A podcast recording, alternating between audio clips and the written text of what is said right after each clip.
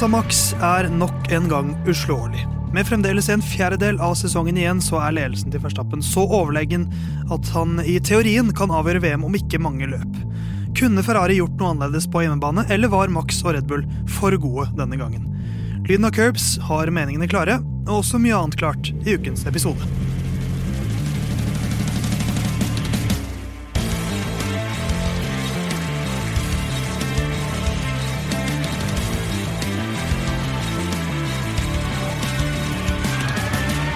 Da var det nok en gang tid for lyden av Curbs, og du hører Theis som sitter bak spak og klaff.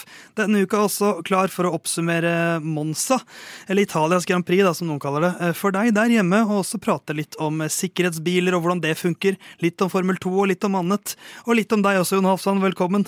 Jo, tusen takk. Det var jo et eh, hva skal vi si, eh, litt eh, kjedelig løp i helga med en eh, veldig eh, antiklimatisk slutt. Ja, ja, Vanskelig ord å si også. Ja, veldig vanskelig å si. Ja. Men det, det, derfor er det veldig deilig at jeg har min største kritiker tilbake i studio. Ja, for Herman, Herman, Herman, Herman, Herman, Herman, Herman.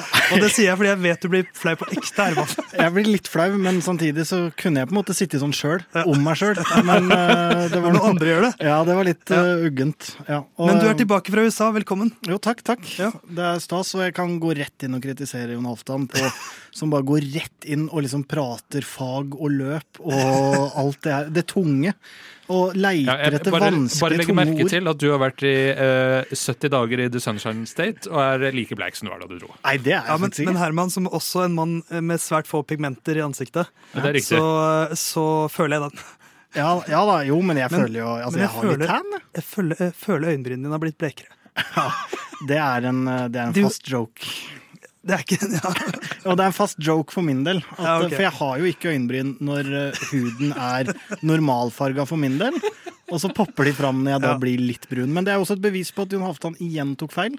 At jeg har fått litt brunfarge. Du, du har fått farge, er... men du skjuler det under Aston Martin-capsen din. Men, men uh, du, går det bra med deg? Ja, har du generelt sett fornøyd med oppholdet ditt? Uh, ja, veldig. Kan du trekke fram to høydepunkter? Ikke tre. To. Ja, Uh, svømme med sel. Oi, Artisten? Og, nei, jeg, oversetter ikke det. okay, ok, jeg, og, Det går så fort her, vet du. Og svømme med sjøløve. Åh, ja. det kommer svømming. ja, altså det er de to jeg velger å trekke okay. fram.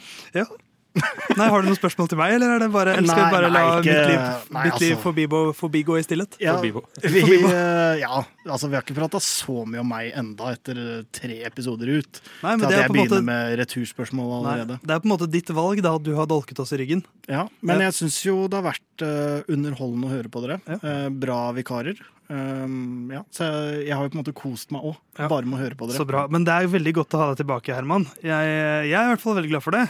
Eh, men du slipper ikke unna min 29 fun fact, eh, for dette er episode 29 av Lyden av Curbs. Og vi gjør det enkelt og greit denne uka, som er at Mika Häkkinen han var 29 år gammel da han vant sitt første Formel 1-løp i 1997. Tenk det, så god som han var, og han vant ikke noe før han var 29 eh, Og det var da det de kalte for Europas Grand Prix i San Marino. Ja. Jeg savner litt det, da det var liksom Europas Grand Prix. da Det var Grand Prix. Det var lenge Baku òg, ja. men nå er det stort sett land. Jeg syns hver verdensdel burde fått, fått altså, et, et, løp som heter bare det. Ja. Da, man, da, tvinger man jo Afrika inn på kartet. Ja, det er sant. Det ville vært Hvis du må ha det, ja. Tror dere, eh, tror dere, at eh, når vi endelig får et afrikansk løp, at det blir kalt Afrikas Grand Prix? Nei, det tror jeg det ikke. Det håper jeg ikke, for det er veldig sånn eh, Og jeg tipper det er noen år fram i tid, så jeg tipper det kommer til å hete noe eh, Sør-Afrikas Grand Prix. Nei, jeg tipper, jeg tipper, den kommer til å hete noe sponsorbasert. Coca-Cola Grand Prix. For Hvem skal holde Antarktis Grand Prix, da? Uh, det, Pingvinene? Ja. Pingvinene. ja. Eller selene, som jeg svømte med. Ja, for eksempel. for, vi, for bare eh, avslutningsvis, var det altså, sel på topp eller sjøløve på topp? Oh, uh, sel på topp. Hvorfor det? Uh, fordi jeg ikke klarer å skille sel og sjøløve fra hverandre. Var det noen der som kjente Freya?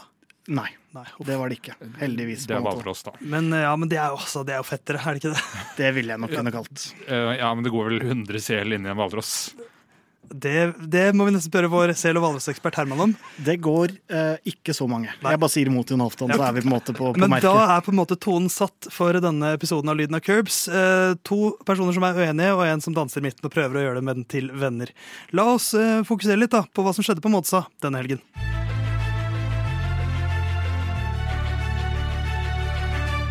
Det har vært et uh, nytt løp i Formel 1-verdenen. Monster Max han dundrer på videre og vant nok en gang. Uh, selv om han egentlig trives best med Red Bull, så får vi kalle han det. Men uh, du Herman, du har vært borte lenge, og da får du det ærefulle eller tvilsomme oppdraget i å oppsummere det som skjedde på 60 sekunder. Og du er jo som vanlig godt, godt forberedt. Ja, så For en gangs skyld så er jeg forberedt. Men jeg Fint at du fjerner, fjerner, godt. Ja, Men jeg føler at jeg har låst meg inn i et lite hjørne hva angår å Låst deg inn eller malt deg inn i det hjørnet? Nei, jeg har låst meg inn i det. Ja, ja. Med dører og lås og slå og hele pakka. Så jeg føler at det å bare oppsummere løpet nå ville vært feil. Så jeg har jo gått min egen vei igjen, da. Akkurat som eh, Gabriella Montes i High School Musical-filmene, så har du gått din egen vei. Men Herman, da skal du få 60 sekunder på deg. Jeg tar klokka. Er du klar? Jeg er klar. Klar, ferdig, gå. Ja. Max Verstappen vant Italias Grand Prix. Nick de Vries gjorde det bra, særlig sammenligna mot Latifi. Men dette løpet blei først og fremst ødelagt av safety car og reglene rundt det.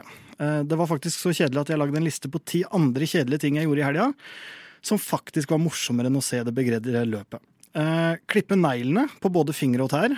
Uh, kjøpt et morsomt brettspill som jeg ikke fikk prøvd.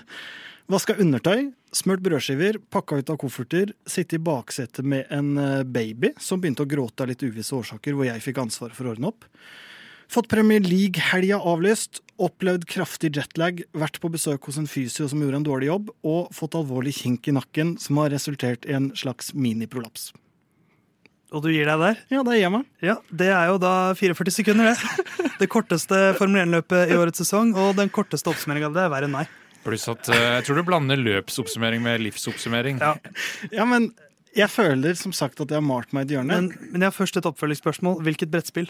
Uh, sequence. Sequence, Det er ja. ganske gøy. Ja, Jeg prøvde det i uh, USA, men er, med en gang jeg sier det, så blir jeg han fyren som bare prater om en uh, tur. på en måte, ja. Men prøvde det der. Veldig morsomt. Skulle da spille det igjen hjemme. Fikk ikke uh, pakka det opp engang.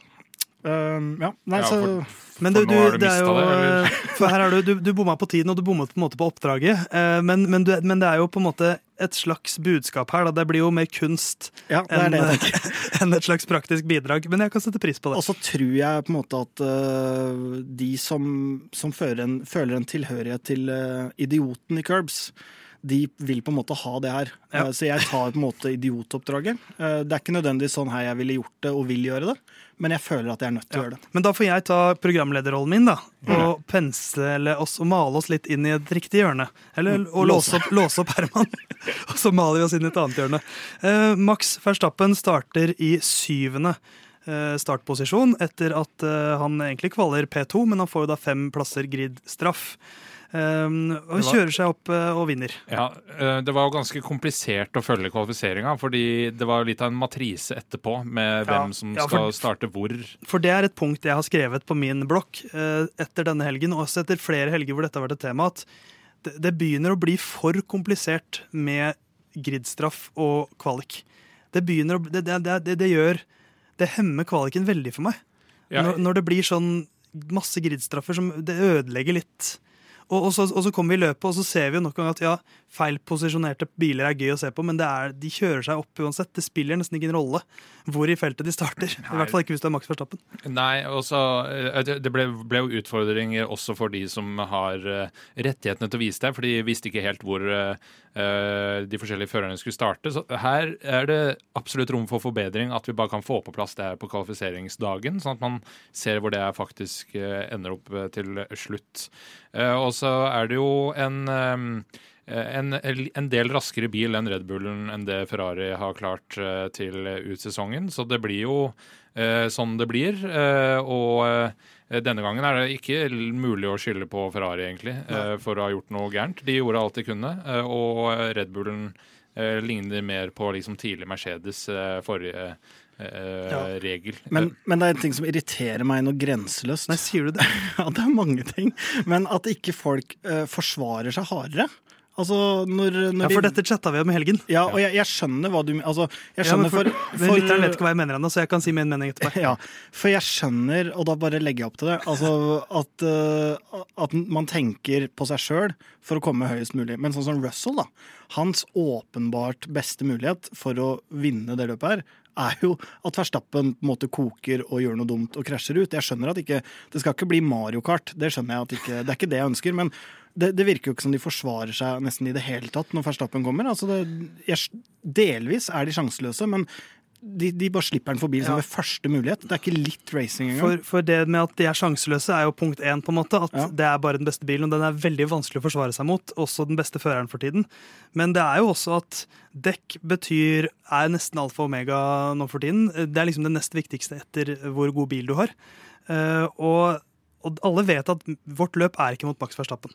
Og hvis vi forsvarer oss her, så burner vi dekk, og da taper vi, og da blir vi passert av han vi egentlig kjemper mot. Ja, så det å bare la Verstappen fise forbi er jo egentlig gunstig, fordi at da det er ikke han, han kommer de til å bli tatt av uansett. Ja, og Så er det jo øh, Så er det noen andre, altså Leclerc hadde han havnet i en sånn posisjon, så er det noe annet. på en måte. Men, ja, altså, de, kan men, jo, eh, de kan jo fighte, men eh, det, du, du, taper gjerne altså ett til fire sekunder ja. per runde du bruker på Juk, å kjøre defensivt. Yuki Sunoda vet at han kan ikke slå Max Verstappen. Nei, det, men det skjønner jeg, men hele poenget er jo egentlig Du sier at uh, alle vet at uh, ikke deres kamp på en måte er mot Verstappen. Jeg ville jo tenkt litt motsatt. Uh, Alles kamp er mot Verstappen, ja, mener du? Ja, egentlig. Når det er en som på en måte er så overlegen. Og som sagt, det handler ikke om at det skal bli Mario Kart-tilstander og krasje ut og altså Mye av den uh, altfor aggressive kjøringa som var i, i fjor, det var ikke noe jeg likte. Det er, ikke, det er, liksom ikke det jeg ønsker, men at de bare racer litt tøffere. Altså, ja. det å oppholde, men hva har de å tjene på det? Nei, men det å oppholde Verstappen i f.eks. tre runder, da. Det vil jo kunne gjøre at uh, de foran på en måte får en større luke. Ja, men da ofrer du deg for noen andre. Ja, og alle her makser sitt eget potensial. Og hvis de da forsvarer seg, så, så gjør de, de, de, makser noen andres potensial enn sitt eget. Og ja. det er det ingen som vil gjøre. Nei, men Da skjønner jeg, og da kan jeg på en måte skjønne de, eh, de som er i midtfeltet og sånne ting, som en åttendeplass er kjempebra for. Um, men jeg ser ikke helt at det skal være mindsettet til Russell, til Science. Altså, jeg... Ja, men jeg ser ikke helt hva Russell skulle gjort annerledes. fordi altså, Max er i praksis forbi. Han, kan, han, han kjører mye raskere på langstrekka, han kan bremse seinere. Og det Russell kan gjøre, er å bremse enda seinere enn det igjen og kjøre han av banen. Og da er det fem ja, men de sekunder. Kan jo, de kan jo ta en liksom uh, Ja, Men du kan ikke bevege deg mer enn én gang. Nei, men de, jeg syns ikke de gjør det engang. Altså, de, bare liksom, de bare fjerner seg nærmest for å liksom kunne legge ja, seg inn bak. Er, og, det er for å tape minst mulig tid. Ja, og da syns jeg jo heller jeg, altså, jeg forstår ikke at ikke det fightes litt mer, at ikke alle tar den kampen litt, da. Uh, ja, men det, det, det er det er nesten umulig å gjøre på en ikke sånn Altså, for hvis du skal, Den bilen er så god, og Max er så god, at hvis du skal gjøre det, så må du, da, da ofrer du ditt eget løp. på en måte. Da må du spille med ulovlige midler hvis du skal klare å holde ham bak deg. For det, det, er jo det som er faktum, at det er ikke mulig på en bane som Monza å holde Max Verstappen bak seg. Det er ikke mulig når han kjører i den beste bilen. Det er ikke mulig. Nei, men det er mulig å gjøre det vanskeligere for han da. Ja, men hva tjener man på det? Man tjener på at man kan få en annen løpsvinner. Ja, ja, og, og, hva tjener Nykter Friis eller, eh, eller uh, Lance Stroll på det? At de driter i om Leclerc eller Verstappen vinner, de bryr seg kun om egen bil. Ja, men de også får jo en vinnersjanse. En snever en, da, men de får jo en større, alle får jo en større vinnersjanse hvis Max Verstappen sliter. Ja, men uh, de, altså, de, tre som var øverst, var jo uh, suverene. Men altså, Russell var jo, kunne blitt sårbar mot Science. og hvis han da kaster bort fem-ti sekunder uh, i total løpstid da, på å fighte Verstappen fordi at han er så glad i Tifosi at de skal få noe At kanskje Leclerc skal vinne. Det, Nei, men jeg tenker jo ikke at det er jo ingen som skal gjøre det med en agenda om å hjelpe noen andre. Jeg bare skjønner ikke hvorfor Nei. ikke de fighter litt hardere. Sånn som, ja, men du mener jo at agendaen er vi skal lage show. Det er jo ikke agendaen til Formel 1-fører. Nei, men jeg bare tenker på tilsvarende løp i fjor, da, og det er kanskje da litt eh, den her regelendringa kommer inn, og hvor man ser at det, det at de kan ligge tettere, f.eks. gagner sånn som Verstappen, som er en såpass bra fører i en bra bil nå, da. fordi det føltes bare mer spektakulært. Altså Hvis Verstappen hadde gjort akkurat det samme i fjor, så hadde det på en måte føltes ja. mer spektakulært fordi han måtte Altså det var mer fighting i de type kampene i fjor. Da. Men, men da var det også to biler som var ganske jevne. Uh, og det er det ikke nå. Nei, men Ferrari og Red Bull er jo på en måte ganske jevne på mange ikke baner. Da. På enkelte baner, men ikke ja, det, det, er som Jon Halvdan sier, at kvalifiseringstempoet til Ferrari er bra, men det, det er som om denne, disse gulvendringene har også skadet dem ja, mer i løpene. Så, så jeg, men, men, vi må videre. Men, men, eh, men, det er jo en interessant diskusjon, det med forsvar. Jeg tror kanskje at en fordel, eller altså Fordelen med at bilene ligger tettere sammen, det ser mer spektakulært ut. Men en ulempe er kanskje at det er vanskelig å forsvare seg. For ja. da, da, kommer toppbilen nærmere på, og da er det liksom ikke noe du kan gjøre. Nei. Men uh, det er lite å gjøre nå med Max Supermax, Max Max Super Supermax, som du sier, Herman. Mm. uh, jeg, jeg, har bare litt fakta om Max. 10. juli var forrige gang en annen før en Max vant et Formel 1-løp. Uh, han er nå 48 poeng fra å bli verdensmester. Hvis Charles, hvis Charles Leclerc vinner alt, så trenger han 48 poeng mm. for å bare være sikker. Uh, og det vil da si at Hvis du skal kunne bli Formel 1-verdensmester nå, så må du ha minst 172 poeng. For nå har Max så mange seire at ingen kan få flere seire enn han. Så hvis det blir likt, så uh, vinner han på flest seire. Ja, så Louis, så Louis Hamilton er da den, den, på toppen som ikke kan bli verdensmester. Mm. Um, han kan få andreplassen. Ja, jeg har flere fakta. Kom, jeg, jeg, mener han kommer til å slå rekorden fra 2004 og 2013 med 13 seire på én sesong, for nå har han 11. Ja. Uh, og hvis han når 16 seire, så har han også høyere prosentandel enn det Schumacher hadde i 2004, da han vant 72 av løpene. Det var Askari hadde en sesong med 75% men da var det at han vant 6 av 8 løp. Så det okay. føler jeg ikke er gyldig. Men hvis han, så hvis han vinner 16 løp, så slår han Schumacher både på antall, selvfølgelig, men også da på prosentandel. Så det er jo Vi, er, vi overdriver ikke når vi sier at dette er avgjort. Nei, nei, det, det gjør vi ikke. Og, og, vi overdriver heller ikke når vi sier at det er litt kjedelig. At det er det. Og det er lov å si. Og så kan man fortsatt si at det kan oppstå spennende situasjoner. Eh, og hvis vi ser på Ferrari her, da. For Carlos Sainz, litt sånn under behind the scenes, så gjør han et veldig bra løp. Kjører seg opp fra 18. startposisjon eh, og blir nummer fire. Og som du sa, Jon, var ikke veldig langt bak podieplassen der. Eh, også Hamilton kjører et veldig godt løp. Kvalifiserer, forstår å kvalifisere bra. Og har nå bedre kvalik-stats enn Russell. Mm. 9-7, tror jeg det er. Eller noe i den duren. Så, så lagene bak, de, ingen av dem gjør på en måte noe feil den helgen her. Verken Mercedes eller Ferrari, syns jeg. Ikke noe sånn ikke noe løpstapende feil. Nei, og, og det er fortsatt ikke i nærheten. Nei, altså kan man jo si om Ferrari og Leclerc at da det kom tidlig virtual safety car, at det var eh, med fasit i hånd en tabbe å gå inn da de gjorde, men de måtte gjøre noe annerledes mm. enn Red Bull. Fordi det, det, var eneste muligheten de hadde til å vinne, var å gjøre noe annet. For hvis de gjør det sammen, så var de garantert å ikke vinne. Ja. Eh, så jeg syns ikke de gjør seg bort eh, Uh, nå. De fikk jo noen alvorsord fra Ferrari-eieren om at uh, uh, det er Nå er det slutt på strategiske tabber og pittfeil og førerfeil og sånn. og det virka til å skjerpe det i hvert fall dette løpet. Eh, og så um, har de jo ikke klart å være med på det kjøret, utviklingskjøret som eh, Red Bull har klart å levere, eh, og virker liksom til å falle litt mer bak. Eller Mercedes nærmer seg de mer enn de nærmer seg Red Bull. Samtidig så er det jo liksom vanskelig å si hvordan gulvendringene som tro i kraft til spa, og hvordan det virker som at Red Bull er minst plagd av de tre topplaga. Um, og kanskje Ferrari mest. Ja, det, jeg, jeg, støtter den vurderingen. Og så er det jo eh, så avsluttes jo løpet på en litt spesiell måte når eh, Ricardo sin runde eh, Da Ricardo sin bil har noe oljelekkasje som vinkes eh, gulflagg for i runde 45. Det blir eh, Av 53. Av 53. Mm. Så det er altså åtte runder igjen når bilen hans bryter sammen. Og så ender det da pga. det med målgang bak safety car. Og det tar altså åtte runder, og man klarer ikke å liksom rydde opp. Um, og så tar det for lang tid før safety car uh, blir, uh, blir, utropt. Uh, og så har det vært mye reaksjoner på dette, og det skal vi ta en lengre diskusjon om senere. Men no noen betraktninger her. fordi ja. det var jo Han stoppa relativt nærme en sånn vei ut av banen. og så har de en sånn Jeg tenkte, Her, her har Daniel gjort en god jobb. Ja. Her står han fint plassert. Så har de en knapp de kan trykke på for å få bilen i fri, sånn at de bare kan trille den ut. den virka ikke. Uh, så da sendte de ut safety car. Uh, jeg husker ikke akkurat uh, Eller vet ikke helt rekkefølgen her. og så plukker safety car da opp George Russell. så det er ganske mange ja. biler mellom Russell og Verstappen som ligger på førsteplass, så de må slippe forbi alle de. og kaste bort masse tid på det, framfor å Ja. Det, det er jo diskusjoner, da. Skulle man hatt rødflagg eller ikke? sånn uhellet var, så skulle det ikke vært det. Fordi det var, det var jo ikke noe krasj eller noe som måtte repareres eller noe som måtte ryddes opp, annet enn bilen uh, til, uh, til um, Ricardo. Så uh, sånn etter regelboka så er det ikke noe problem med hvordan det skjedde. Men for fans som ja. er der, og som er der gjerne på e-, ett løp i løpet av sesongen, så er det ganske dritt å få den avslutninga, altså. Det tror jeg vi alle var enige om. Og så skal vi prate mer om litt sånn det prinsipielle bak safety car, og hvordan det kanskje bør brukes eh, senere i dagens sending.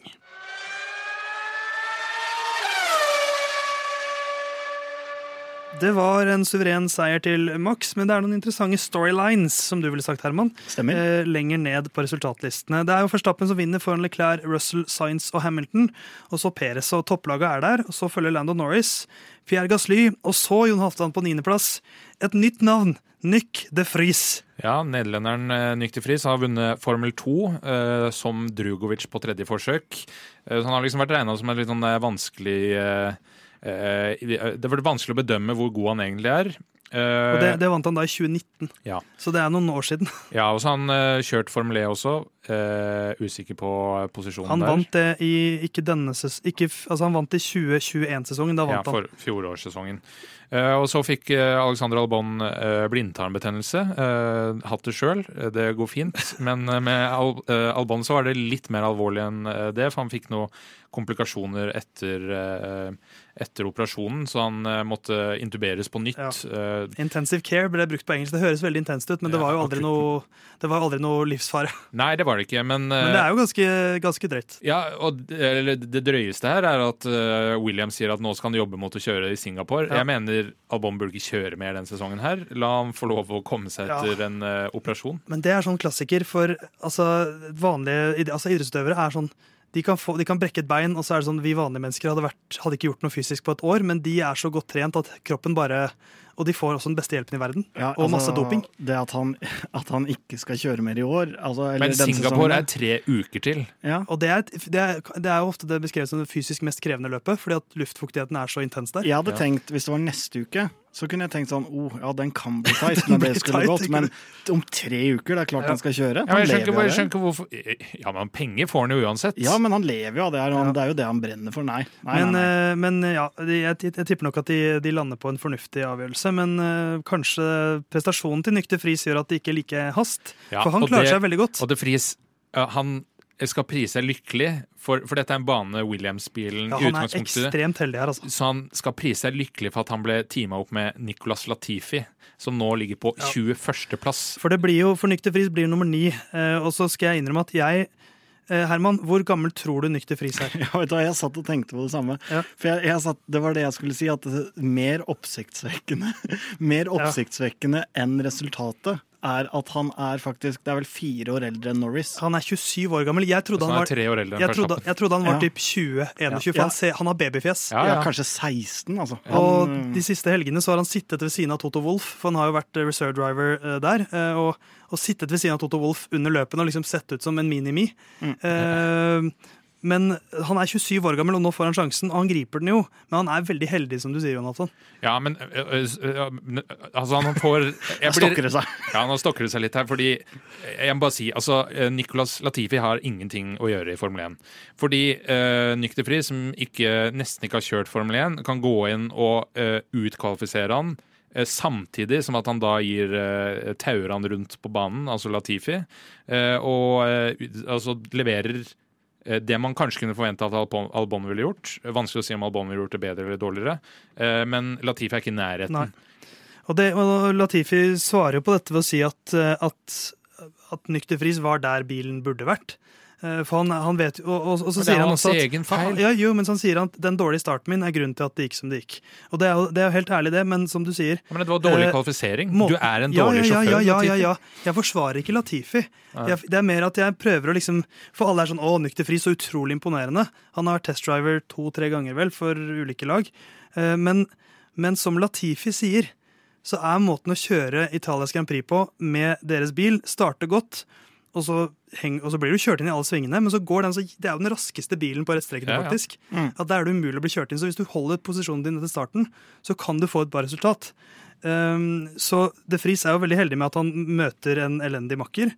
Og han har den perfekte Williams-banen her. Ja. Så jeg er sånn, ja, det er bra jobba, men, men folk har gått av hengslene Ja, for den niendeplassen. Og jeg er ikke helt med på den. nei, det er jeg enig i. eh, Fordi det er, det er veldig det, er det sier, det er vanskelig å bedømme hvordan han faktisk ville gjort det, men det viser bare at eh, Nicolas Latifi er ikke en Formel 1-fører, mer enn Ja. at eh, Latifi er det største Nei, uh, De De Vries. Er det største talentet som har Ja, kommet i Formel 1 de siste åra. Og så tenkte jeg, ja, for en eh, 20-21-åring, det er ganske bra det han takler press og liksom det, det satt jeg og tenkte helt til for så typ 15 minutter siden, da jeg sjekket hvor gammel han var. Ja.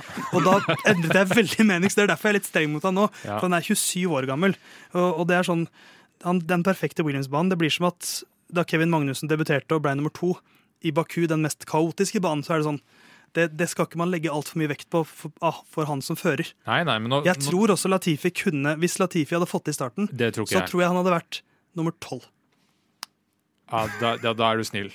Ja, men jeg er snill. Ja, jeg, synes, jeg er glad i Nicolas, selv om han er dårlig til å kjøre. Ja, og så syns jeg den er så fryktelig enkel, den der også, å slakte liksom Latifi. Altså, jeg, ser ikke, jeg ser liksom ikke helt poenget. Alle vet jo at han er på en måte en paid driver, og det er jo greit nok. det. Han har jo sin rolle. Han kan jo godt hende at eh, Williams som lag eksisterer mye av f.eks. Latifi, så det er jo Alle ja, har jo sin men, rolle. Ja, men vi, vi, kan ikke tilegne alle andre egenskaper til fører. Altså, Lance Stroll er en paid driver, og faren er i laget. Det vil ikke, iallfall ikke hete Aston Martin uten uh, Lance Stroll. Men han er mye nærmere Han tar fighten med Fettel ja. og er liksom i nærheten. Nicolas Latifi er ikke i nærheten. Men eh, det skal også sies at Lance Stroll begynner å nærme seg eh, toppen av de førerne som har flest løp uten seier.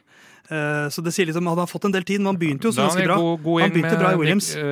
Med Nico Hulkenberg. Ja, og som du sier, eh, uten det laget, ingen Uten Stroll, ikke noe Aston Martin. Men, eh, men jeg, jeg er fortsatt der at jeg syns man blåser opp den Nykter frist-prestasjonen litt mer enn man kanskje burde. For han, han er nummer 13 etter kvalik. Ja. Og så er han, han er, der er han også heldig med at det er såpass mye stokking på startfeltet her. Mm. At han får en mye bedre startposisjon enn han egentlig og han er jo, fortjente. da. Han er jo knepent bedre enn Latifi i, eh, i kvalik. Altså Det er jo hårfint med, at han går videre. Med tå, da. Altså, det, Han tauer rundt på Latifi som er verdt nei, ja, Det er verdt mye på Monza. Ja, det er verdt to-tre tideler, kanskje. Uh, og, så det er jo en fordel for Latifi. Ja. Så det ser liksom nærmere ut enn det det egentlig er. Så... Men Jost Capito virker jo til å kaste kontrakt etter, uh, etter De Vries nå. Uh, mens alpin også er interessert. Ja, for det ja, for, Bare for å si det, da. Latifi er nå nummer 21. Han, klar, han er nummer tre i et lag med to førere, egentlig. Uh, I og med at Nykter Friis jo ikke skal kjøre mer enn at til Albon kommer tilbake, liksom. Mm. Uh, så det ser jo ikke lovende ut for stakkars Nicolas, som jeg tror er en veldig fin fyr. Uh, ja. Men som ikke kanskje er best i verden til å kjøre med bil. Men, men ja, jeg er litt overrasket over at Nykter Friis er liksom plutselig så heit. Mm. For han, som, sagt, for, som, sagt, for et kvarter siden så hadde jeg syntes han var veldig heit selv. Ja, men, men, nå syns jeg kanskje ikke det lenger. Ja, for hans del da, så er det hvis noen kommer med en kontrakt, syns jeg, ja. så bare signerer du den. Uansett fordi, hvem som kommer nå, så, for han får ikke en sjanse til. Nei, fordi Drugovic for eksempel, er mye mer uh, relevant uh, enn det til Friis kommer til å være om uh, ti dager. Uh, så det er liksom Kommer det, Bare signer. Signer alt. Men jeg ser jo for meg at de setene egentlig er allerede tatt. Altså ikke Williams-sete. Jo, jeg vil jo tro det. For hvorfor signerer Drugovic ellers med Aston Martin som en sånn uh, development uh, driver? Altså, da burde jo det, det Ikke nødvendigvis at det skulle tilfalt han, men da ville jo Altså, han ville jo venta lengst mulig. Hvis ja, men det, er jo, det er jo bindinger i Formel 1 nå. ja, det er det jeg ikke... mener. Jeg mener at det er jo Det kan godt hende det står sånn OK, det er Latifi eller Nykteris, liksom. Det kan godt hende det er sånn noen få ting som gjenstår, men jeg ser for meg at det meste er av kabaler er lagt, men vi bare vet ikke om det ennå. Uh, jeg tror ikke det. Jeg tror Williams kanskje håper at en Ricardo kunne tenke seg å ta en eh, stor uh, lønnsnedgang for å kjøre for de. Uh, eller at De Vries kommer inn i stedet. Ja, det kan godt hende. Uh, skal vi prate litt om Ricardo, eller? For Lando Norris, for det her slår jo egentlig McLaren litt tilbake igjen. Etter at alpin har vært veldig opp og fram, så blir det jo Det ble vel null poeng på alpin. mens McLaren tar jo litt poeng med Norris som blir nummer sju. Og så ligger jo Ricardo greit an. Uh, om jeg husker riktig. Ja, åttendeplass. De, de, de, de, lå an til doblepoeng, og det lå an til å bli liksom en solid helg for, for Danny Rick. Og så med åtte runder igjen så svikter bilen. Uh, så so when it rains, it pours, som du pleier å si, Herman. Ja, sier alltid det. Og de kjører jo så å si uh, identisk i Q1 og Q2, og så er, klarer Norris å hente ut litt mer i, i Q3. Men, uh, så, så, det er jo egentlig et uh, Det er jo en veldig bra løpshelg av den, En av hans bedre på ganske lenge. Ja, Av den uheldige Ricardo. Ja, for nå var han uheldig, vil jeg si. Ja, det var han. Og jeg spådde jo at alpinen skulle være en del bedre enn det de var. Det er vel blitt forklart med at de gjorde noe setup-feil og sånn, så det var heller de som ble dårligere enn McLaren som ble bedre i forkant av uh, Italia-helga. Men uh, for McLaren sin del så ville det vært uh, helt essensielt, nesten, å få de doble poenga. Så de hadde liksom litt mer å stille opp med i alpinen om den fjerdeplassen i konstruktørmesterskapet. Men lekk lek, lek olje, da er det Toto Wolff da vi må være sint på, hvis vi heter Andreas Seidel. Så um, kjipt for Ricardo at det endte sånn, og kjipt at han er katalysator for uh, den litt kjedelige avslutninga. Ja, ikke sant. Men uh, vi får se, da. Det er jo flere lag å prate om her, så vi skal ikke forlate Italias Grand Prix helt enda. Og så skal vi se åssen det gikk med tippinga vår, som Herman endelig kan forsvare på ekte.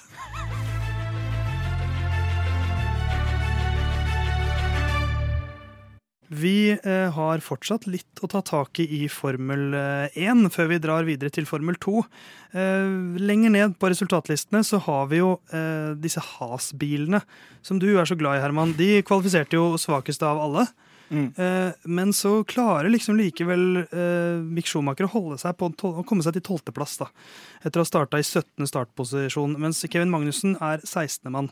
Og Det er en litt sånn fascinerende eh, duell, eh, førerduell mellom de to. Jeg, pratet, jeg nevnte jo tidligere at, eh, at Hamilton nå har bedre kvalik enn Russell, mens Russell har bedre løpsresultater. Men der er det ganske jevnt. Det er liksom to som skiller, eller noe sånt. Mens i Uh, Has, jeg har ikke de tallene foran meg nå, det burde jeg hatt. Men, men om jeg husker riktig, så er Magnussen klart best i kvalik. Mm. Men så er eh, Mick nesten like klart best i løpene. Så nå er vi faktisk der at Mick har vært best og jevnt over i løpene. Han har slått Kevin flere ganger enn det Kevin har slått han. Ja, Men da er det jo på en måte et moment i Formel 1 som er Det her må være best er én ting, på en måte, men altså, du må, må ta poeng, da, føler jeg. For å liksom det er en større skille på sånn som det var i starten. da. Så Hvis, hvis en på en måte alltid kommer uh, topp åtte, og en annen liksom alltid utafor uh, topp tolv, så er det ganske stor forskjell. Men hvis en kommer på tolvteplass og en på 16., så er det på en måte mindre forskjell. da. Uh, så jeg føler at det hører jo med litt i historien her, for han er vel ikke over på poeng. Nei, nei, nei, det er ti poeng som skiller de to der, men det er veldig mye pga. den femteplassen til ja. Eh, Kevin i starten. Egentlig bare pga. den. For de siste seks-syv løpene så tror jeg mm, eh, Magnussen har slått uh, Schumacher én gang. Mm. Og så er det selvfølgelig mange faktorer, men men, men det er jo en tendens som holder på å snu. Det er det. Ja, ja, ja, og jeg, jeg syns jo nesten at Mick begynner å forsvare en sjanse til. Ja, altså Jeg ser jo ikke noe poeng, for det er jo Ferrari har droppa han nå. Um, sånn at han ikke liksom er i, under de lenger. Og da er det jo rykta at han kanskje kan miste setet. Um, jeg, jeg tror nok jo, Has er avhengig av de Ferrari-pengene for å holde han i setet, tror jeg. Ja, og, men jeg ser, jo, jeg ser, jo, ikke noe poeng i at, uh, bortsett fra kontraktslengde, at uh, Magnussen skal sitte der lenger enn Mick. på en måte. Og jeg ser ikke helt det poenget. Jeg ser ikke helt poenget å ha Kevin altså Mick har, eh, det har mer, men jeg synes Kevin Magnussen synes jeg er liksom helt tilbake igjen til på sitt verste da han var eh, forrige gang han var i Formel 1. Og nå, nå er det liksom Det er det, er det samme, samme vise en gang til. Gjør det bra første løp, og så er det liksom øh, Eh, litt sånn nok. Men han roter alltid i starten av løpet, nesten uansett. Han var god eh, Sist gang han var ordentlig god, var jo i Østerrike. Altså Forrige gang eh, Max Verstappen ikke vant et Formel 1-løp, var altså forrige gang eh, Kevin Magnussen var god. Det er lenge siden. Eh, for i løpet etter det, i Frankrike eh, fullførte ikke, så har han 16., 16., 15., 16. Ja, han har fire DNFs. Ja, så, så det, det, er jo, det, er jo, noen, det. Mens, mens Mick har vel to eller tre. Men, eh, men, eh, men jeg syns uansett at ja, Jeg er helt enig. Han, han tilfører på en måte ingenting nå. Uh, mens Mick viser at han kan slå Magnussen, og han har en markedsverdi både som Schumacher og som tysker, med så mye tyske, tyske krefter på veien. Ja. Så, jo, så, tenker jeg at han også alder, da. Han har jo alderen ja, ja, ja, på sin side. Er jo, uh, han er yngre enn Nykter Friis, som det er det største Formel 1-talentet vi har sett noensinne. ja, så, men jeg, jeg, jeg syns jo begge de to burde på en måte leve litt uh, farlig. Også, også men, men, jeg er enig med deg. Altså, Kevin Magnussen syns jeg skal leve mye mer farlig enn Mick Schumacher, fordi han er på feil side av uh, 30. Mm. Men det er jo det som hadde, det tenkte jeg på da, at det som hadde løst eh, problemene mine med Formel 1 akkurat nå, hvor det er lite fighting, er jo hvis, hvis eh, Kevin hadde vært fast pole. At han alltid starta på første. Da hadde vi fått litt eh, fighting. Så han ja. må jo bare komme seg, må komme seg men er, der. Men er, for Kevin Magnussen har jo ofte vært kjent som en god, en god starter. Han, han, starter ofte bra, tar mye posisjoner, og, og det, det, det, det, er sånn, det er jo sånn som enten går veldig bra, Mm. Ellers går det veldig dårlig. Er vi der nå at det går veldig dårlig? At han liksom han vil litt for mye i starten, mens eh, det å kjøre litt trygt i starten ofte kan være Det å finne balansen mellom offensivt og defensivt, da. Ja, han har jo en dårlig bil også, da, så det er jo ikke det. Men han kjørte seg opp tre-fire plasser på første runda, og så blir han liksom bare forbikjørt og forbikjørt og forbikjørt. Og det er jo mye av Hasen sin feil akkurat denne gangen. De tidligere rundene så har det vært mye av hans egen feil også, fordi han har klart å involvere seg i ting han ikke har noe business å involvere seg i. Eh, men eh, Så bilen er jo liksom dårlig også. Eh, og det er jo veldig trist for Has og Gunther Steiner og Gene Has og gjengen der. og ikke, meg. og ikke minst Herman Borgstrøm. Så jeg føler ikke at han Han overpresterer ikke i bilen. Uh, Sammenligna med f.eks. det Russell gjorde Williams uh, enkelte ganger uh, forrige sesong. Og, så det er ingen overpresserere der, og Mick Schumacher leverer liksom minstenivå. Ja. Og han har slutta å krasje så mye, og det har kanskje også tatt ut ja, men, men, så har han liksom hatt bedre race pace i det siste òg, så det er eh, liksom vanskelig å si. Ja, men det jo, kan jo også ha noe med mentaliteten å gjøre, da. Altså, jeg tror nok Magnussen er en som på en måte ønsker poeng, eller så er det ikke nødvendigvis verdt det. Sånn at eh, det kan jo ha noe med både setup å gjøre, men også ja. mentalitet og holdning i løpet. Og det kan jo også hende at eh, de har ulike roller. Men han at, tar jo de fightene som du sier at alle andre skal ta. Han fighter med uh, Hamilton på starten av løpet. og og tar vinga, eller Og da er liksom løpet over for han. Skogen, men, men, det er som du sier, altså, sånn, ja, han vil ha poeng. Mick Schumacher er to DNFs fra topplaga unna å ta poeng. Ja. Eh, fordi han kjører jevnt og rolig, og det er sånn de lagene tar poeng ofte. Men, men det kan godt hende de har ulik rolle, og det er jo det som er Vi er jo veldig langt på utsida eh, og vite liksom akkurat hva slags rolle de har og sånn. Så det kan jo hende at, eh, at de på en måte kjører K-Mag som en aggressiv en som skal prøve litt på forskjellige ting, og at Mick på en måte litt kanskje også i lys av sine kollisjoner tidligere bare skal uh, sitte mer trygt gjennom det. Det blir jo også ja, men, bare spekulasjoner, men, ja, men det kan jo være. Men jeg ser ingen grunn til at de nå utvikler De kommer med oppgradering til Ungarn, uh, som uh, leverte mer eller mindre, mest mindre, syns jeg. Uh, av, det var ikke noe Resten av feltet forflytta seg iallfall like mye som de. Så nå er det ikke noe poeng for de å utvikle bilen noe mer. Nå er vel fokus neste mm. sesong. Det ja. må det være. Men, men de er, altså jeg, sitter, jeg, ser på tabellen, og det spøker litt for dem. De, de har sa poeng i syv løp. Eh, de ligger på syvendeplass. Både Alfa Tauri og Aston Martin på åttende og niendeplass har poeng i flere løp enn det. Mm. Så jevnt over har de liksom prestert bedre. Eh, som sagt, Has har den femteplassen fra Bahrain, som er veldig hyggelig, og også et, et, eh, et godt Østerrike, var det vel, hvor de tok, tok bra med poeng. Mens de er, de er ett poeng nå foran Alfa Tauri. Det tror jeg de kommer til å bli passert av. Jeg og, tror de ender opp niendeplass. Og Aston Martin er ni poeng bak. De er et, altså, to solide løp unna og ta dem igjen. Og da er plutselig Has, som vi prata masse om i starten av mm. sesongen, mm. som ser så bra de ser ut, og så er de kanskje nest dårligst i år også. Ja, og hva fortsatt... skal man si da om Gunther Steiner og det, det, teamet? De er fortsatt langt foran Williams, da, men Ja, ja, men det er fortsatt og, nest dårligst. Ja, og jeg tror arbeidsvilkåra til Gunther Steiner, eh, de er eh, eh, Altså de har nok til eh, salt i grøten, men Gene Haas putter ikke mye penger inn i Haas. Det er, ikke, det er ikke den salteste grøten. Nei. Eh, så for eh, Andretti, da, som er veldig interessert i eh, et Formel 1-lag, han vil jo helst starte et nummer 11, så er jo bare kjøpt av Gene Haas. Han er ikke interessert. Uh, og så er det kanskje slutten for Gunther Steiner. Det vil være kjedelig for Drive to Survive, men han, han, han, han, har jo vært med seg Han var ikke begynt igjen i Jaguar, han har vært i Red Bull. Han har jo, han har, vært mekaniker. Han har jo vært i game en stund. Ja, men ikke som team principal, Nei. tror jeg ikke han får uh, mer uh, da, Kanskje han blir uh, Helmut Marco, da, ja. i Haas. men hvis den, hvis den utviklinga går i den retninga som, som, du spår der, Theis, altså at, at, at Haas blir niende, niende beste lag, ja. eller nest dårligst Ja, da vil jeg bare plante et frø som vi garantert kommer tilbake til. Da syns jeg jo at de regelendringene ikke har bidratt til noe positivt hva angår uh, spenning og sånn. Men det, ja, det er jo så rivende uenig. Ja, det, det, er derfor jeg vet, den kan vi ikke ta nå. Nei, det er det jeg vet. Så det blir, jeg bare planter et frø. Da, da, for da har du klart å allerede provosere Jon Halvdan. Ja. Så da lar vi det frøet vokse litt. Ja, men det er allerede en, eks, uh, en ekstra runde mellom her nå, en uke mellom runda. Det blir Da skal vi ta den også, debatten. Og så vil jeg nevne en ting til. På vår power ranking så hadde vi Has på femteplass.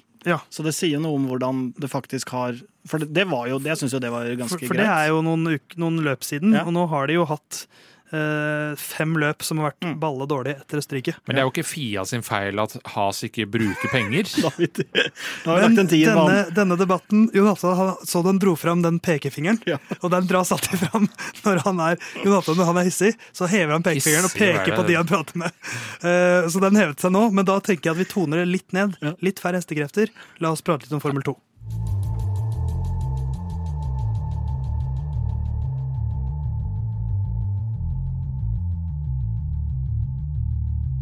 Hei sann, Dennis, som du pleier å si, Herman. Eh, Dennis Hauger han har eh, kjørt nok en Formel 2-helg. Dette var nest siste runde i Formel 2, eh, og vår mann Dennis han kvalifiserte jo ganske dårlig. Der var det blant annet, var det i nest siste forsøket hans, så dreit han seg ut før parabolika-svingen. Altså den svingen før der. Eh, og det gjorde vel litt at han kom litt skeivt inn i det, og det ble liksom aldri noe bra. Så han ble jo 19.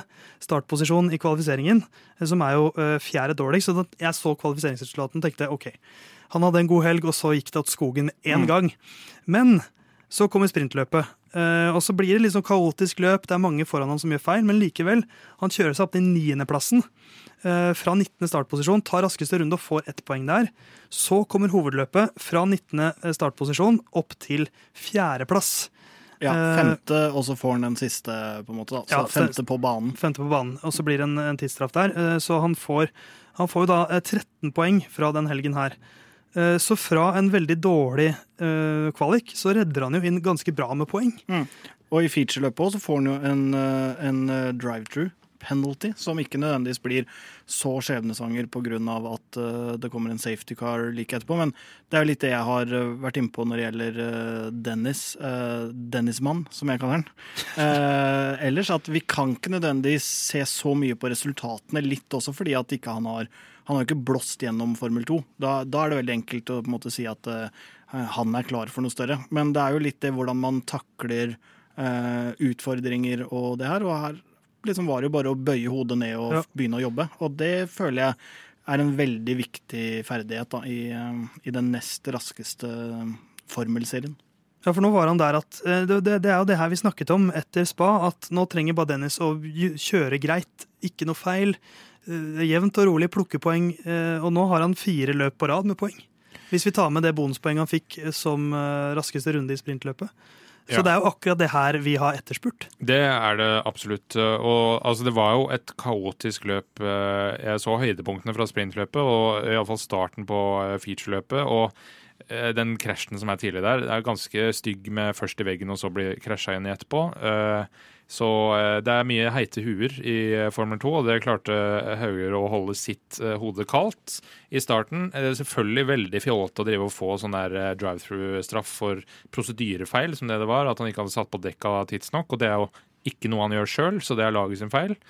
Eh, Men han har jo uttalt at han, ting er veldig oppe i lufta hva gjelder neste sesong. At ingenting er avklart om det blir en ny Formel 2-sesong. Eh, Syns jo han har levert akseptabelt, men vi har jo snakka litt om, altså, support fra lag og, uh, så videre, at han eh, ofte fader mot slutten av stinta. eh, ikke klarer å ta vare på eh, dekka nok.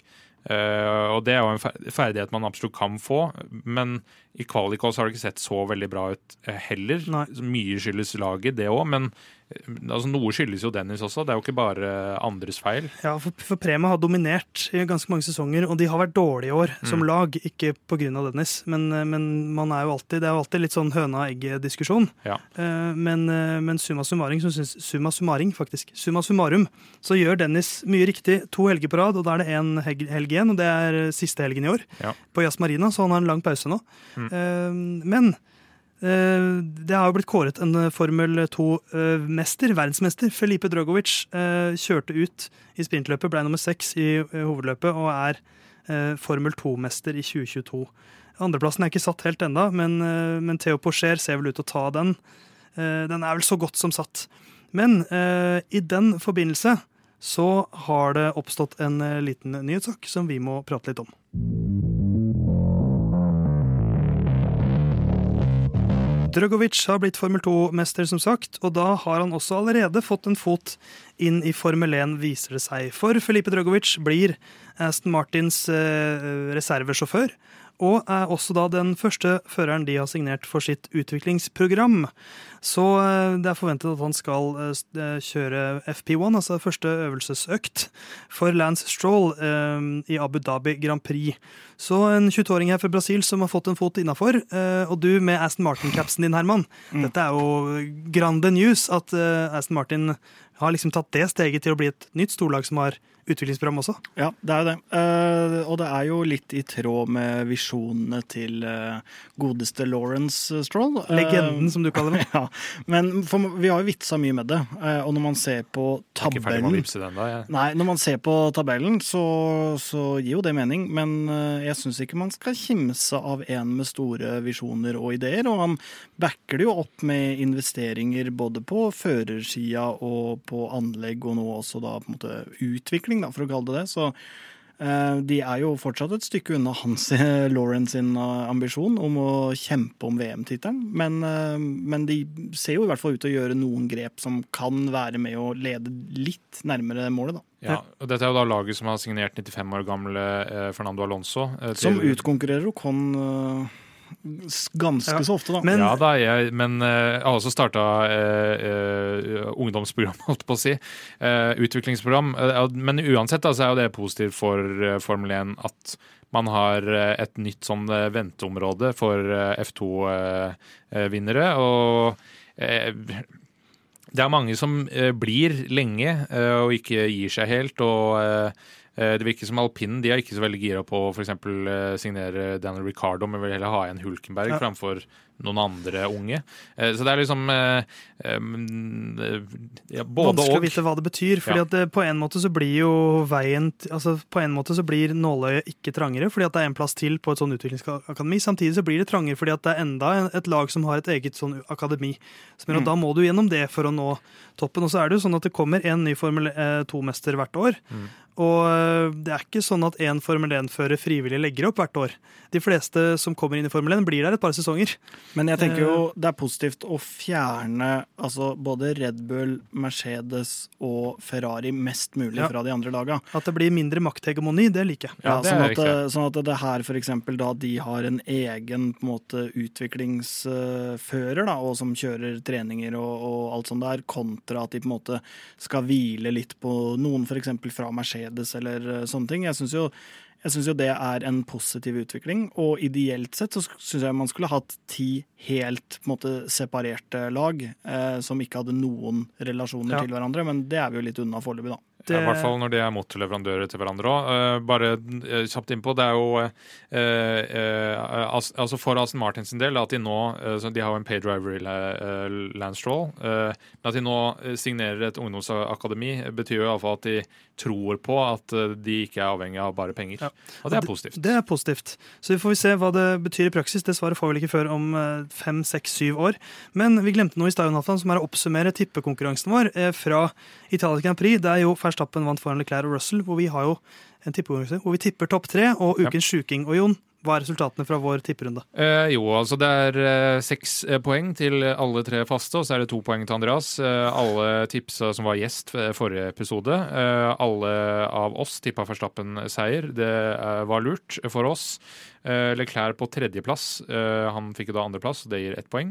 og så er det Peres Peres til meg og Theis på andreplass, og Herman hadde Hamilton.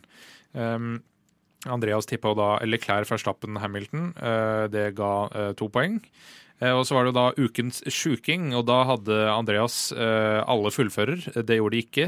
Ingen poeng der. Theis hadde Latifi for poeng. Langt unna. Jeg så ikke at Nykter Fri skulle ta poeng. Nei. Eh, så ingen poeng der. Jeg hadde Max punkterer, snurret av frontvingen, men vinner fortsatt løpet. Ganske nærme, fordi han ja. Eh, starta på sjuendeplass, men eh, det var ikke det som skjedde, så ingen poeng der.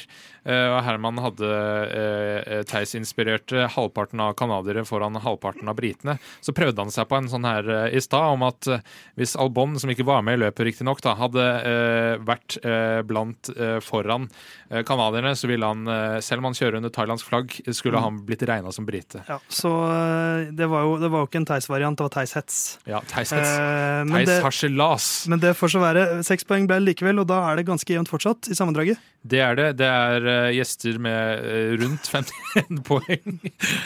og så har du da Theis på tredjeplass, så vi tre er på pallen med 65 poeng.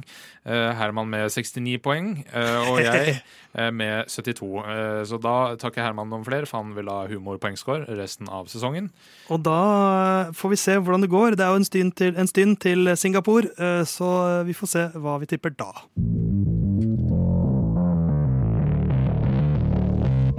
Målgang bak safety car. Ja, det, er et, eh, det, et det skjer ikke så ofte. Det skjer ikke så ofte. Eh, mange mente at det burde skjedd, eh, skjedd, og skjedd i Abu Dhabi i fjor.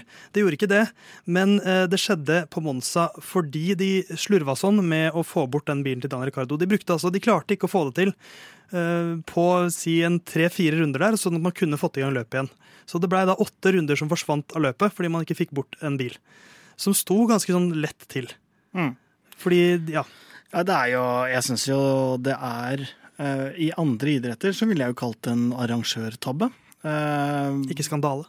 Nei, det ville jeg ikke kalt det. Uh, for det er jo og som Toto Wolff påpekte, det, altså, det her skjedde, denne gangen skjedde det i hvert fall etter reglene. Ja, ja for det, det gjorde jo, det. Ja, altså, det er jo på en måte det positive, men da er jo spørsmålet om de reglene er hensiktsmessige for for på en måte sporten. Da. Og en ting som jeg tenker at Formel 1 faktisk bør eh, tenke på og ta hensyn til, er at det har blitt en mye større idrett for veldig mange. Altså De har jo garantert uh, sett en enorm eh, eksplosjon da, i interesse.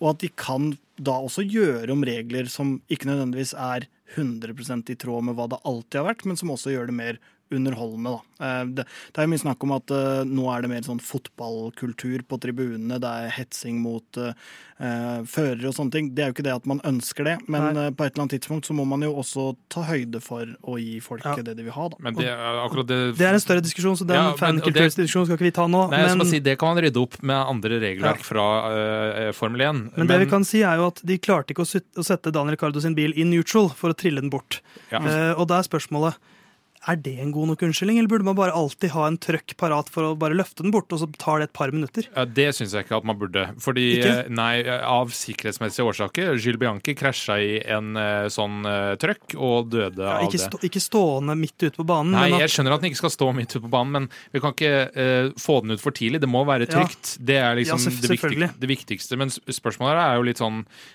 Skal man Uh, ha et x antall runder igjen. Skal man legge på rundene man har under safety car da? Uh, da får du et drivstoffproblem.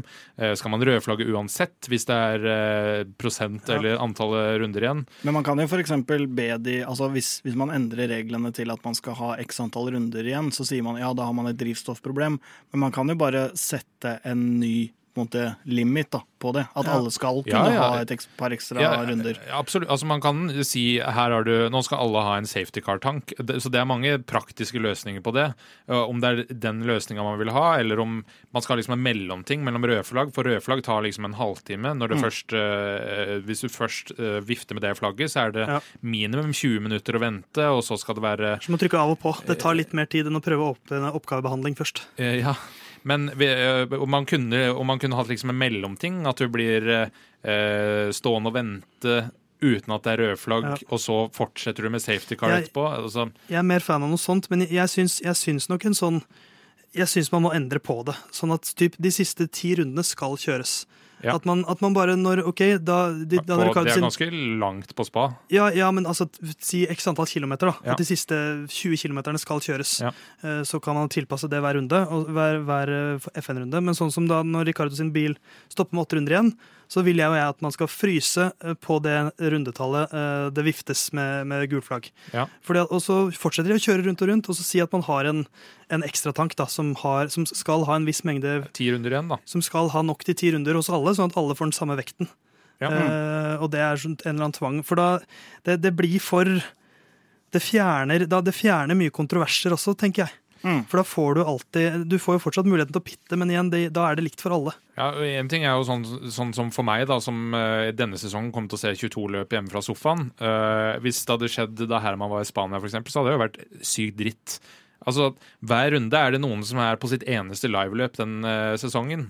Kanskje og, i livet òg. Ja, ikke sant? Og, da, øh, og, hvis du da er på Monza, så har det vært, der var det ganske mye dritt sånn ellers òg. Det var mye venting og øh, mye sånn arrangørsurr. Ja, arrangørskandale, det var det faktisk. Og i tillegg til det, øh, ikke få se at løpet fullfører under grønt flagg, det, ja. det er liksom bare å bli pissa på i tillegg. Man, man, må gjøre det forutsigbart. Men det er, det er en grunn til at man har overtid i fotball. Det er jo en diskusjon i seg selv. og Det er ikke alle sporter som har det. Nei. Men i en sport som det her, hvor liksom det, det, må være klart hvordan, altså, hva som forventes av avslutningen. Hvor lang er altså, det, det, Man må vite at de siste x antall kilometerne skal fullføres uansett, sånn at man ja. slipper den derre uvissheten når det kommer en safety car med åtte runder igjen. da. Hva skjer egentlig nå? Hva skjer nå? Det er det ingen som vet. I amerikansk idrett så stopper de jo klokka.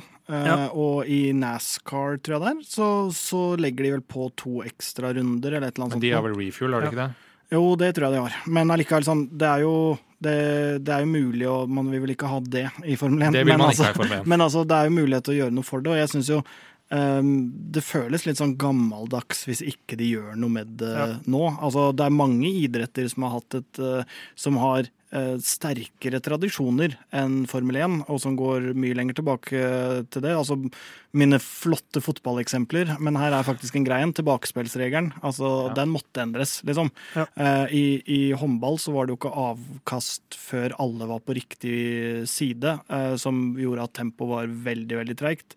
Men det er, det er, veldig positivt å få endra en del sporter, og ja. her er det positivt å endre. Men det er ikke sterk historikk, sånn jeg har forstått det. Det er sterke personligheter i Formel 1. fordi Eh, team principal i McLaren, uh, Andreas Seidel, sa at dette var oppe etter Abu Dhabi, men ingen av lagene ble enige om hva slags løsning skal vi ha. Så det er blitt forsøkt endra på. Ja. Uh, så er jo spørsmålet da skal Fia gå inn Men uh, altså, de trenger lagene med seg, fordi det er ikke basert på ren sikkerhet. Altså, dette er jo et underholdnings... Mm. Um, ja, altså, det handler om underholdning, ikke sikkerheten, for den er ivaretatt som den er i dag. Men, eh, så da må eh, jeg tror det er rent flertall, eller sju av ti av laga stemme for for at man skal ta det inn. Ja. Men, men, det jeg heller ikke skjønner, er, og det samme gjelder Abu Dhabi i fjor, eh, at ikke liksom, løpslederen praktiserer at hvis du er i tvil, ta og rødflagg, på en måte.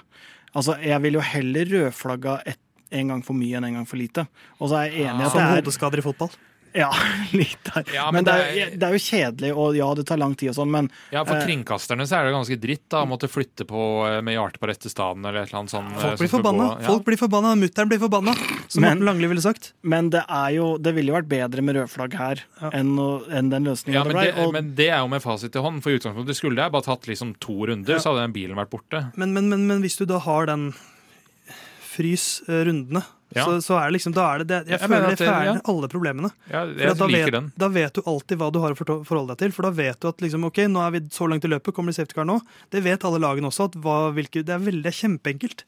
Ja. Og, da vet, og da får du liksom da har man en grafikk eller noe hvor det er sånn uh, Nå er vi inne i danger zone. Uh, eller, altså Det må formidles ut. Det er ikke Formel 1 best på. Når ting blir utsatt og sånn, så er det gjerne står det i ti sekunder. Ja, og, det, og, så skjønner jeg, for det, det, blir jo ikke noen sikkerhetsproblemer heller med en sånn, sånn type løsning. Og alt, altså det er greit, bilene må endres på og sånt for å få en ekstra tank, hvis det er det som er løsningen. Men alt, alt sånt løses. Og Rent sportslig sett så ser jeg ikke noen sånn utfordring med det. Men hva, hva, hva er, er, det noen argumenter for at det skal fortsette som i dag? At det er sånn at runden er satt, og så kjører vi de. De har jo den at det er jo en maksramme på hvor, hvor langt lang et løp kan være også. Så hvorfor ja. Nei, Så der har de jo de, de, er jo ikke redde for å kutte et løp short, f.eks. Hvis Nei. det går for langt. Mm. Uh, og så kan man si at hvis det går for langt, så må man ha noe greier for å endre på de reglene òg, men det jeg liker, jo den, jeg liker den varianten du kommer opp med der, og da prøver jeg å tenke tilbake til Abu Dhabi i fjor òg, som jeg jo var veldig lite happy med. Ja. Men hvis man fjerner, hvis man ser bort fra kontroversene med hvem som ble lappa og sendt forbi og sånn, så hadde jo 99% sikkert Hamilton eh, Hvis det skulle vært kjørt altså de gjenværende rundene da, i sin helhet, så hadde jo han pitta uavhengig om han hadde mista ja, track position. Det, og det hadde jo føltes Altså han, du gir jo den forutsigbarheten, da. Og så hadde heller han gått for å overtake. Ja. Så, så jeg, jeg, ser ingen motargumenter mot at det hadde vært bedre også der. Du vet alltid hva du forholder deg til, og det er mm. det jeg savner. Fordi at nå ja. aner vi ikke. Hvis det, hvis det, kommer en safety car med åtte runder igjen, så aner vi ikke. Ingen fører heller. Ingen Så kan ja. man si at det, det, skaper spenning, fordi at da tar noen en sjanse, men det er ikke sport for meg. Altså. Nei, altså kunne jo faktisk, eh, Hvis det hadde vært litt kortere tidsrom her, og sånne ting, så kunne det jo i, da på, på løpet i Monza endt opp med at Verstappen er så sinnssykt overlegen, men kun på en måte hadde en 15 sekunders luke, så han endte opp med å liksom Pitche til andreplass. Ja, så, det kunne jo skjedd. Ja, ja, det, men, eh, og det er jo noe laget, selvfølgelig, men de forventa heller ikke at dette skulle ta de, de skifta til so nye softdekk fordi vi skal kjøre igjen, mm. eh, og da skal ikke vi være sårbare her.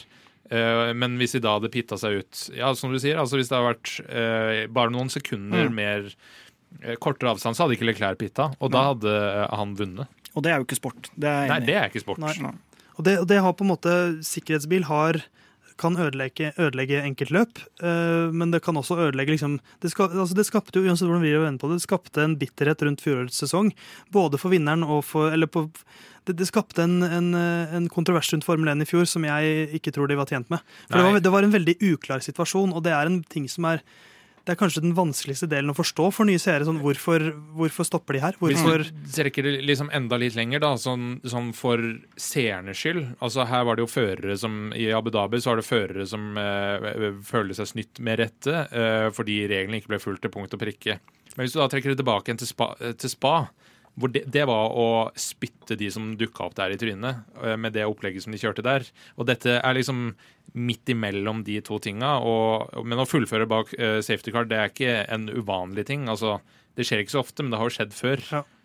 Men det, ser, men, det ser, men det, burde ikke skje. Ja, nå er det, nå er det liksom dags at man kan gjøre endringer for at uh, det ikke skal skje. Ja. Nei, så er vi, er vi, fornøyde, på en måte. Vi har, vi har landa på at uh, safety car er må, altså Sikkerheten må stå først. og Det er derfor det, er derfor det tar, ting tar tid, og det er derfor man får safety car, derfor man bruker rød flagg. Men, uh, men uh, i andre rekke så må underholdning og rettferdighet og forutsigbarhet komme. Ja, og så er det jo på et eller annet tidspunkt riktig å gå videre her òg, da. Altså, de, de, må jo tenke på produktet og underholdning og gjøre ting mest mulig spennende. Uh, og det er jo også veldig mange nye som følger med på, på sporten. Én ting er jo de som er bitt av basillen gjennom Drive to Survive eller andre ting, men det, det vil også fortsette å spre seg. Uh, når, når, de største avisene i, i de forskjellige landene skriver om det, og alle prater om det, så vil det jo fortsette å spre seg. Og hvis folk da som kommer til, ikke skjønner noe av det her Det er jo veldig få som skjønner slutten av, av fjorårssesongen. Altså, det er jo det er jo utelukkende negativt. Så det er jo også det med timinga. At det er dags for å endre på det gamle, rigide systemet. Ja. Så øh, nå skal jo Fia faktisk øh, hadde invitert til et møte med lagsjefene i går, altså mandag. Vi spiller inn dette på en tirsdag. Uh, ikke hørt noen rykter om hva som ble prata om der. Sånn slipper vel kanskje ikke ut, for de vet vel å holde tett. I hvert fall noen dager. Men, men det, det, det, viser jo i hvert fall at Fia har skjønt at her skjedde det noe som Det var, det var jo mye reaksjoner. Mm. Og da må man kanskje gå gjennom rutinene litt. Ja, og den buinga eh, som fansen ble tatt med, eh, den forsto jeg jo veldig godt. Eh, ut, altså, det var jo buing av produktet, eh, på en måte. Ikke Ifølge Mathia, iallfall. Ja, men det, det virka jo ikke Det virka ikke som det var retta mot Verstappen, på en måte, når de bua på han. Eh, men, men det var liksom det er jo et antiklimaks. Det er jo ikke det man er kommet for å, for å se. Så den, den, forstår jeg, altså. Det blir, det blir som at uh, en VM-finale skal avsluttes med dropp, hvor, uh, hvor, dommeren sier 'spark ballen til keeper'. Det, det, blir bare en våt klut. Jeg syns det blir som at Hvis der, Sheffield Wednesday Nei, men jeg syns det blir jeg, Det her, når det blir målgang bak safety car, så er det som de der cupene i England som uh, avgjøres med returkamp. Det er vel FA-cupen. Hvis det blir uavgjort, ja. så bare Ja, men da vet du Jeg trodde det var borte nå. Ting, ting må gå til straffekonk. Ja, nei, men i hvert fall bli avgjort. Ja. Mens, uh, mens, i FA-cupen så er det vel sånn OK, men da prøver vi igjennom et ja. par uker, boys. Eller, så, eller sånn når, når, Fair Play avgjør hvem som vinner en fotballkamp på en sånn barneturnering. eller myntkast. Ja, eller myntkast. Så, så fjern tilfeldighetene uh, og gjør det mer forutsigbart, så er i hvert fall lyden av Curbs fornøyd. Plutselig var det bare seks Formel 1-runder igjen, uh, og Formel 1 er ferdig i Europa for i år. Tenk det. Oi, Siste løpet i Europa er ferdig. Nå skal vi utenlands. Og det er en liten pause nå, Jon. Ja, og det er jo sånn det pleier å være vanligvis, bortsett fra forrige sesong. At når europasesongen er over, så er liksom Formel 1-sesongen uh, begynner å dra seg litt mot over. Men da blir det ofte litt spennende òg, ja. fordi uh, folk og førere de skal kjempe om sårt tiltrengte poeng. Ja, og så er det fortsatt 27,3% igjen av Formel 1-sesongen. Det er viktig å huske det, så vi er jo liksom, vi er bare tre kvartveis. Nå kommer Mercedes. Nå kommer de.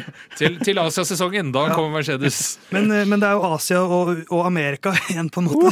Er, de har klart å finne to kontinenter som er veldig nære hverandre. Sånn at det blir lett å reise rundt. mellom dem. Ja, så De bare reiser rundt ja. hele tiden.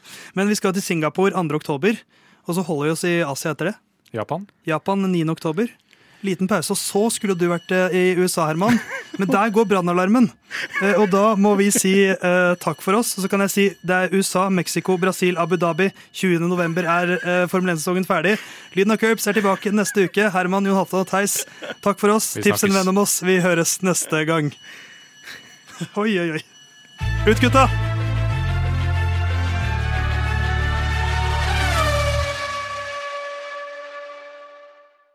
Good luck this weekend, Stroll. Thanks.